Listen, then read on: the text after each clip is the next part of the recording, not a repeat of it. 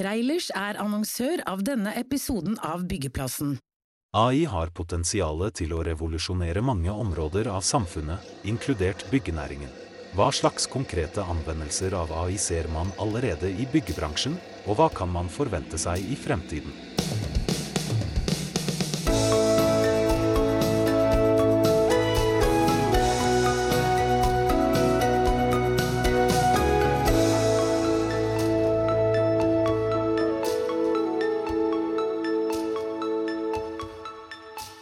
Velkommen til Byggeplassen. Jeg heter Christian Aarhus, og med meg i studio har jeg Sindre Sverdrup Strand. Pluss en stemme vi ikke har hørt før i den podkasten her. Hvem var det egentlig som tok introduksjonen her, Sindre? Uh, innholdet i det som ble sagt her, det var chat-GPT, en AI, eller kunstig intelligens, som de fleste sikkert har hørt om. Jeg ba programmet om å gi meg en kort setning om AI i byggenæringa, oppfylt av et spørsmål, slik som vi ofte starter sendingene oss med. Så måtte jeg bare svare inn i en annen AI kalt Murph Studio. Og så var det Murph sin stemme som vi hørte her.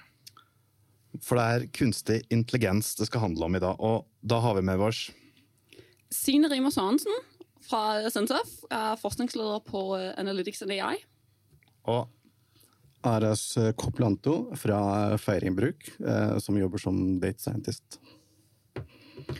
Og først og fremst, eh, Signe, hva er AI? Ja, altså AI bruker vi jo som en felles betegnelse for alle algoritmer som etterligner en eller annen form for intelligens. Og så er det litt vanskelig å skjelne mellom hva er egentlig intelligens, og hva er noe vi oppfatter som intelligent. Og så tar vi det ofte litt bredere og sier at det inkluderer også automatisering, autonomi og optimering. Det her er jo ikke noe nytt. For vår egen del så skrev vi om kunstig intelligens i år 2000. Men hvorfor prater alle om, om AI eller kunstig intelligens nå? Fordi utviklingen går så innmari fort. Um, ikke, altså, alle har jo hørt om ChatGPT. Og teknologisk er ChatGPT spennende. Men det som er det aller mest spennende med ChatGPT, det er jo at vi alle sammen nå har fått en tilgang til de her algoritmer som ikke går via programmering, men går via språk som vi alle alle klarer å bruke. Mm. Vi spurte faktisk chat ChatGPT om, om, dere to, og ba de beskrive dere med tre setninger. Vi har gjort det en gang før også, så vi vet det kan komme noen morsomme svar. Men Signe, du er en dansk billedkunstner og illustratør basert i København. Du er kjent for ditt fargerike og ekspressive visuelle språk. Du har bl.a. arbeida ved en rekke bokprosjekter, utstillinger og oppdrag for kunder over hele verden. Mens Aras, deg var det litt verre med. Svaret jeg fikk var beklager, jeg finner ingen informasjon om personen ved navn Aras Koplanto. Viser ikke det her at AI ikke alltid er så veldig intelligent? Jo. Jeg er bange for at jeg er på, på feil karrierespor. jeg har gjort mye rart i livet mitt, men bildekunster og, og, og kunster i det hele tatt, det, det, er ikke der jeg har kompetansen. og Aras, du, du, sa det jo før vi gikk på sending det er en grunn til at den ikke finner noe om deg. Ja, jeg vil ikke bli behandla av jeg vil ikke bli behandla av algoritmene som eh, Facebook og de andre sosiale mediene bruker. Eh, og ville ikke gi mer data til algoritmene, så jeg sletta alle mine kontoer. Jeg sletta Facebook-kontoen, jeg sletta Instagram og Snapchat og alle de der. Så jeg tror ikke noen algoritmer vil finne meg nå. Så der, der var den egentlig veldig intelligent og traff helt rett? Ja. Eller bomma helt rett, iallfall. Ja. Eh, men vi lurer selvfølgelig på hvorfor AI skal være interessant for oss i byggenæringa. Eh, kan vi gjøre nye ting med AI? Kan vi gjøre dem billigere, bedre, tryggere? Det kan kanskje du svare på, Aras, for du har faktisk bygd en AI som er på jobb eh, på feiring nå. Stemmer. Det, om generelt om AI kan hjelpe oss med å, med å effektivisere en del oppgaver i byggenæringen kjedelige oppgaver som er tidskrevende, f.eks. Eh, kan, kan gi en AI for å, for å automatisere den. Eh, vi har jo bygd eh, en AI som gjenkjenner en del objekter som kommer inn i lastene til feiring. Og det har vi brukt en del Og, og, og vi har brukt ved bruk av maskinlæring og gjenkjenning algoritmer, har vi fått den til å hjelpe oss med å effektivisere, effektivisere den prosessen. Og ha litt bedre kvalitetskontrollsystem. Det er den A-en som kalles for Ida, ikke sant? Stemmer. Intelligent Detection Analysis heter det. Eh, men eh, hvordan fungerer den? Eh, vi har jo trent Ida med ca. 500 000 bilder av lass som er kommet inn siden 2019, 2018 og til nå. Og eh, da Ida gjenkjenner alle store stein som er større enn 50 cm, gjenkjenner eh, diverse fremmedlegemer som, som betong, trevirke, metall og, og, og store deler finstoff i lastene. Reilers er et rådgivende ingeniørselskap med særlig spesialisering innen elektrifisering, automasjon, inneklima og smarte bygg. Vi er opptatt av å optimalisere løsninger for kunder, og ser på kunstig intelligens som en naturlig del av utviklingen fremover. Vi har i flere prosjekter bistått kunder og leverandørmarkedet med kompetanse innen dette. Les mer på vår hjemmeside www.reilers.no.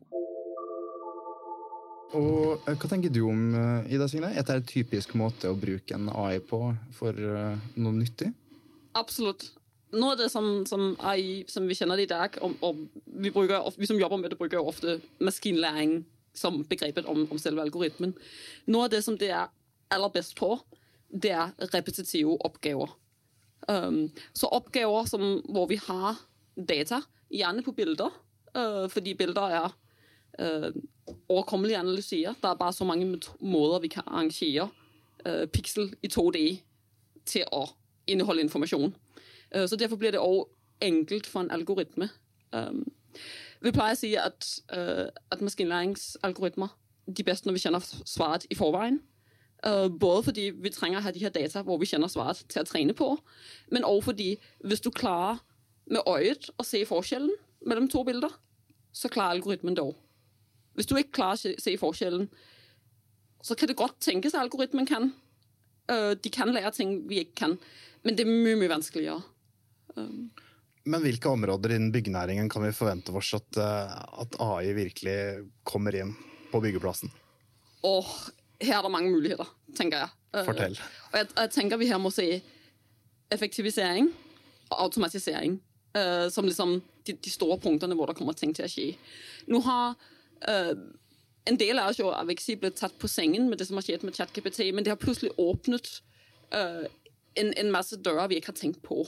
det kommer til å skje mye i det her interfacet hvor vi plutselig kan omgås programmeringen for å ja, prate med algoritmene, bokstavelig talt. Og det er en av de tingene jeg tenker kommer til å få en stor innflytelse. Uh, fordi nå kan vi se for oss der kunne generere øh, lyd direkte fra tekst. Vi kan også gå den motsatte veien. Så nå kan vi Jeg ser for meg at vi kommer til å kunne gå rundt på byggeplassen. Så kommer vi til å kunne si når den oppgaven utført, den oppgaven utført, den oppgaven utført. Så trenger du ikke journalføre det ytterligere enn det. Algoritmen har plukket opp de tingene er gjort. Planen blir oppdatert tilsvarende. Øh, så det kommer til å komme mye på, den, på det aspektet med dokumentasjon, og mye på aspektet med oppdatering av planer. Hva med manuelt arbeid? Manuelt arbeid er nok litt lenger unna, tror jeg. Um, der er vi mye avhengig av roboter. Uh, og det skjer mye på roboter. Men nå jeg, jobber jeg jo ikke manuelt på en byggeplass, men, men, jeg ser for meg at de som jobber på byggeplass, de vil si at oppgavene er repetitive, og de ligner på hverandre. Men de er jo ikke identiske. Du må gjøre nye ting hele tiden. Uh, og der er robotene vi kan bygge roboter som, som, som kan gjøre ting som, som, gjentar seg. Vi kan ikke bygge roboter som klarer å tilpasse seg helt ennå uh, i sånne alle situasjoner. Så ikke en robot som, som, skjønner når den skal skru inn en skru, og når den ikke skal gjøre det ennå? Det tror jeg er mye lenger under enn hjelpemidler til å hjelpe de som fysisk går rundt på, på byggeplassen. Og jeg tenker eh, kunstig intelligens kan eh, forbedre effektivitet og produktivitet i byggenæringen. Eh, med, med, å, med, å, med, å, automatisere, som, som du nevnte, med å automatisere mange tidskrevende og repetitive oppgaver, noe som gir menneskelig arbeid muligheten til å fokusere på mer eh, kreative og komplekse oppgaver. Men Merker dere i Sintef økt pågang fra, fra bedrifter i mange, altså ikke bare byggenæringen, men andre steder òg, om, om AI nå? Absolutt. Uh, det, men det vil jeg nå si, det har vi gjort en stund. Um, og det er alt fra bedrifter som kommer og sier uh, vi må ha noe av det der AI, for det har andre, uh, til vi har det her problem vi ønsker å løse. og så viser det seg at kanskje slett ikke AI er løsningen, men noe helt annet. Um, og så har vi enkelte tilfeller hvor at, at det faktisk er et bra match. Kan du gi noen eksempler på det? Ja, altså, jeg, jeg må si datadrevet anleggsplass her. Uh, prosjektet hvor vi, vi, sammen med Skanska har brukt ulike aspekter av maskinlæring og optimering og datainnsamling til å redusere uh, spesielt tomgangskjøring på, uh, på anleggsplasser.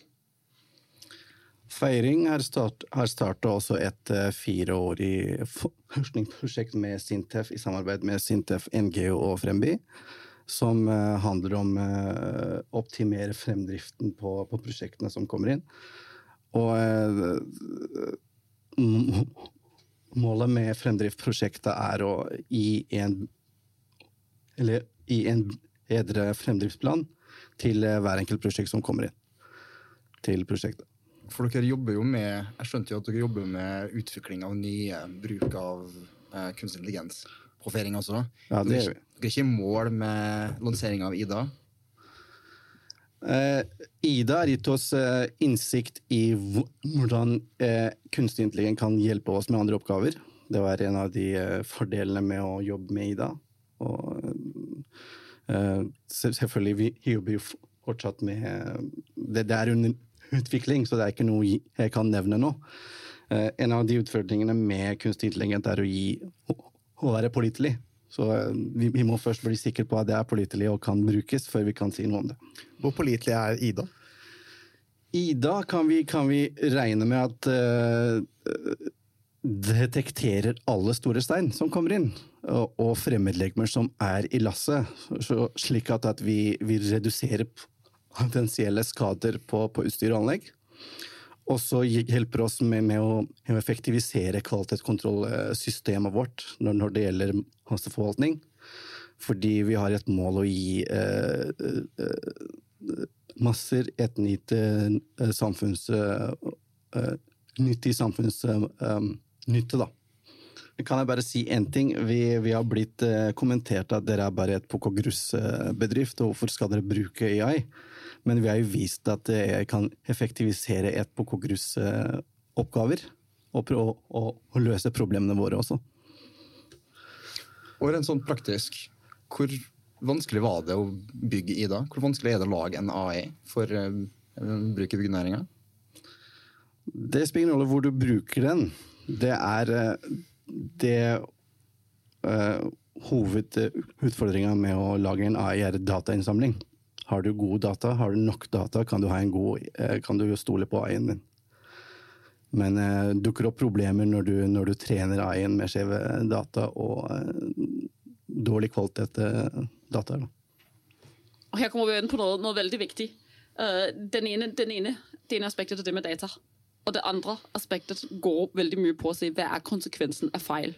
Um, kan vi identifisere repetitive oppgaver som det vil være en fordel å slippe for at mennesker gjør, og hvor vi f.eks. kan akseptere en viss grad av, ha en viss toleranse for feil.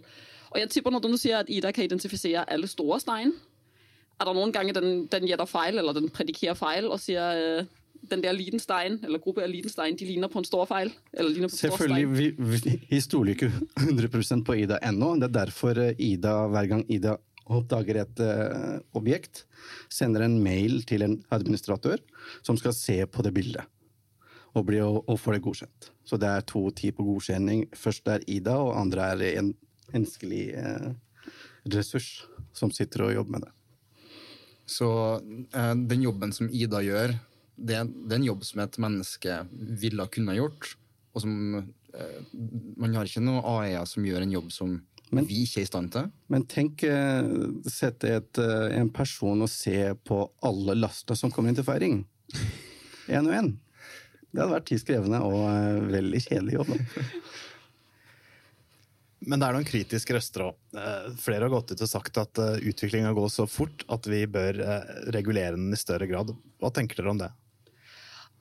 når det kommer til, til, regulering, så tenker jeg det i høy grad er politikernes ansvar. Uh, og der er nok noen politikere som nå henger etter. Uh, selv om de jo fredag annonserte at nå skal politikerne i Norge til å se på det her.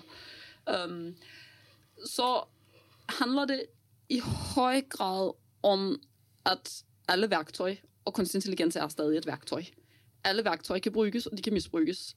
Uh, så derfor må vi ha selvfølgelig noen retningslinjer for hvordan de helst skal brukes. Uh, og så er det store muligheter som vi heller ikke skal undervurdere. Kunstig intelligent uh, teknologi åpner for mange muligheter, selvfølgelig, men, men, også noen potensielle farer. De potensielle farene kan være personvern og etikk når det gjelder datainnsamling. Og det kan være diskriminering fordi kunstig intelligent som er trent på, som, som vi nevnte i stad, skjeve eller mangelfulle data, kan forsterke eksisterende fordommer og diskriminering. Og så kan skape avhengighet av teknologi. Uh, en overordna avhengighet av AI kan føre til at mennesker mister viktige ferdigheter og evner. Og uh, det har vi sett allerede med ChatGPT. Alle bruker jo ChatGPT. Selv om vi får svar om at folk som ikke er billedkunstnere, er billedkunstnere. Er det, altså, nå har vi jo maskiner som lyver til oss. Er ikke det litt skummelt i seg sjøl? Jeg syns det er kjempeskummelt, men det er jo ikke mer skummelt enn at det har alltid vært feil opplysninger, feil informasjon i samfunnet. Uh, men kildekritikk har fått en helt ny betydning. Godt nytt for oss som er journalister, kanskje? Absolutt. Men jeg vil gjerne tilbake til byggeplassen og, og hvordan, man kan, hvordan, man bruker det nå. Er det noen som bruker noe annet enn feiring, som bruker det nå i konkrete prosjekt? Altså Nesten alle bruker jo Google Maps til å finne vei, eller lignende. Så det, det, er noe vi ofte ikke tenker på av kunstig intelligens. men... Uh, og, og, Google Maps var jo heller ikke veldig presis på hvor jeg skulle hen i dag.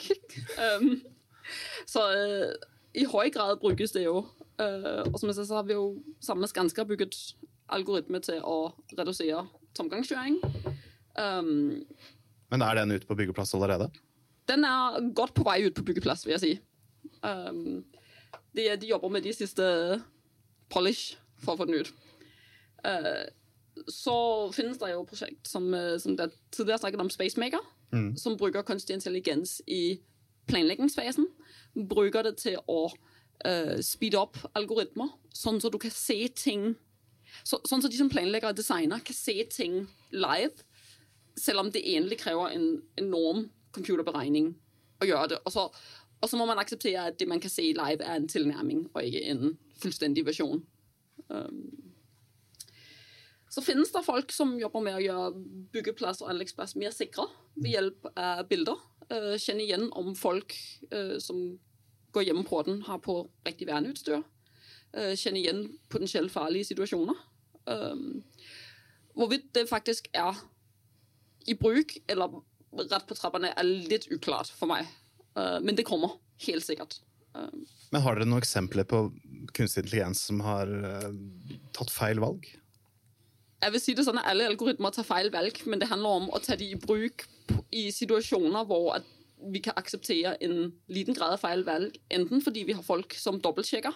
Mm. Uh, hvis vi bruker de til å flagge Um, har et eksempel. Hvis, du bruker en algoritme til å flagge hvor uh, en vei trenger til å bli fikset Hvis den nå kan identifisere halvparten av de steder som trenger til å bli fikset uh, Greit hvis den så altså, hvis, hvis, det den gir deg, er halvparten av stedene som trenger til å bli fikset, så kan du godt akseptere at den kanskje ikke pekte ut den andre halvpart, for du vet at de stedene kan du sende ut folk. Mm. Men du sparer tid på at de ikke trenger å sjekke alt det andre.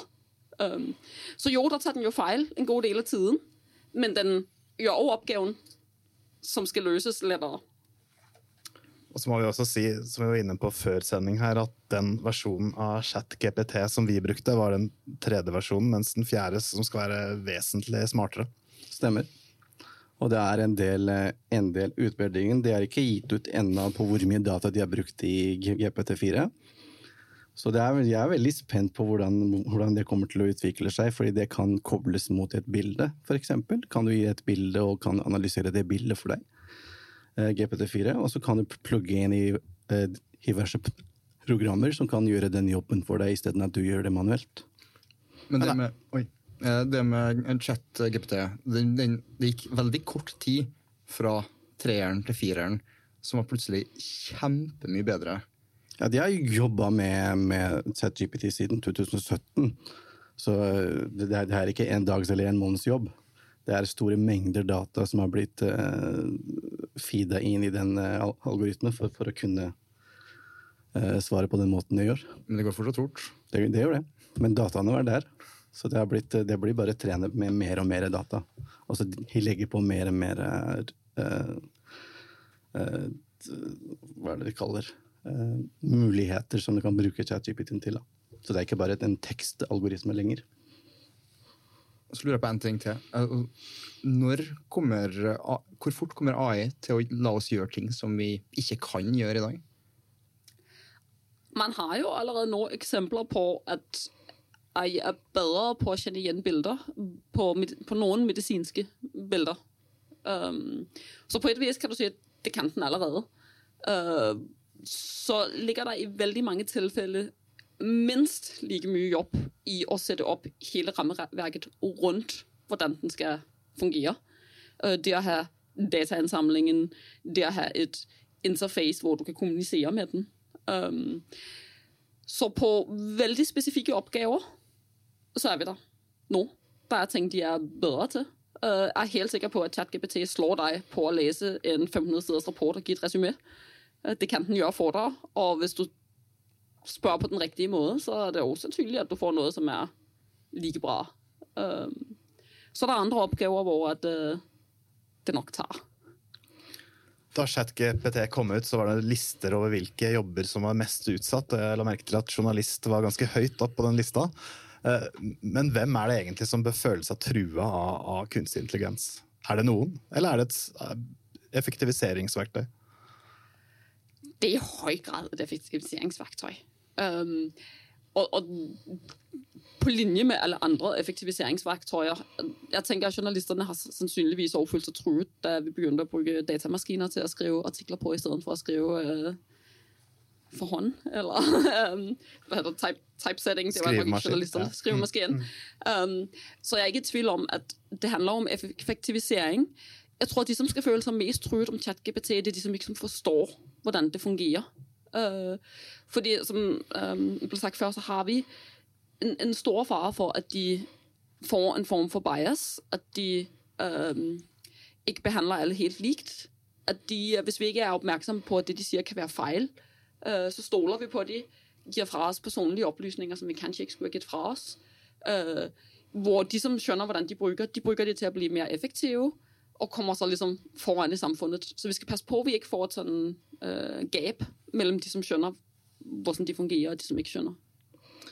Kunstig intelligens vil utvilsomt forandre arbeidsmarkedet uh, ved å automatisere en del jobber og oppgaver.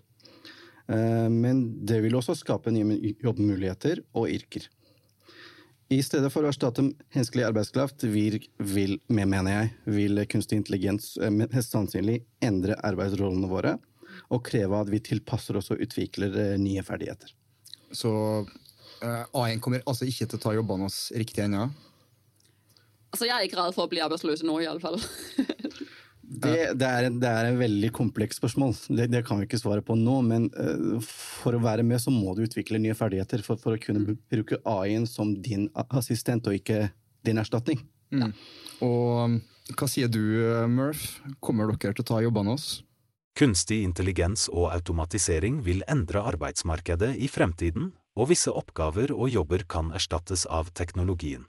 I byggenæringen kan kunstig intelligens brukes til å øke effektiviteten og redusere kostnader, men det vil fortsatt være behov for menneskelig arbeidskraft til manuelle oppgaver og beslutningstaking. Selv om det er mindre sannsynlig, kan kunstig intelligens også utfordre podkastverters rolle ved å generere stemmer som kan skape engasjerende innhold. Men det vil fortsatt være behov for menneskelig kreativitet og personlighet for å bygge en lojal lytterbase. Ja, Kristian. Har du håp for jobbene oss i møte med den nye framtida? Tja, byggeplassen er i alle fall tilbake med både menneskelig kreativitet og personlighet. Takk til eh, Signe og Aras. Takk til deg som har lytta på. Vi er snart tilbake med en ny episode av Byggeplassen. Reilers var annonsør av denne episoden av Byggeplassen.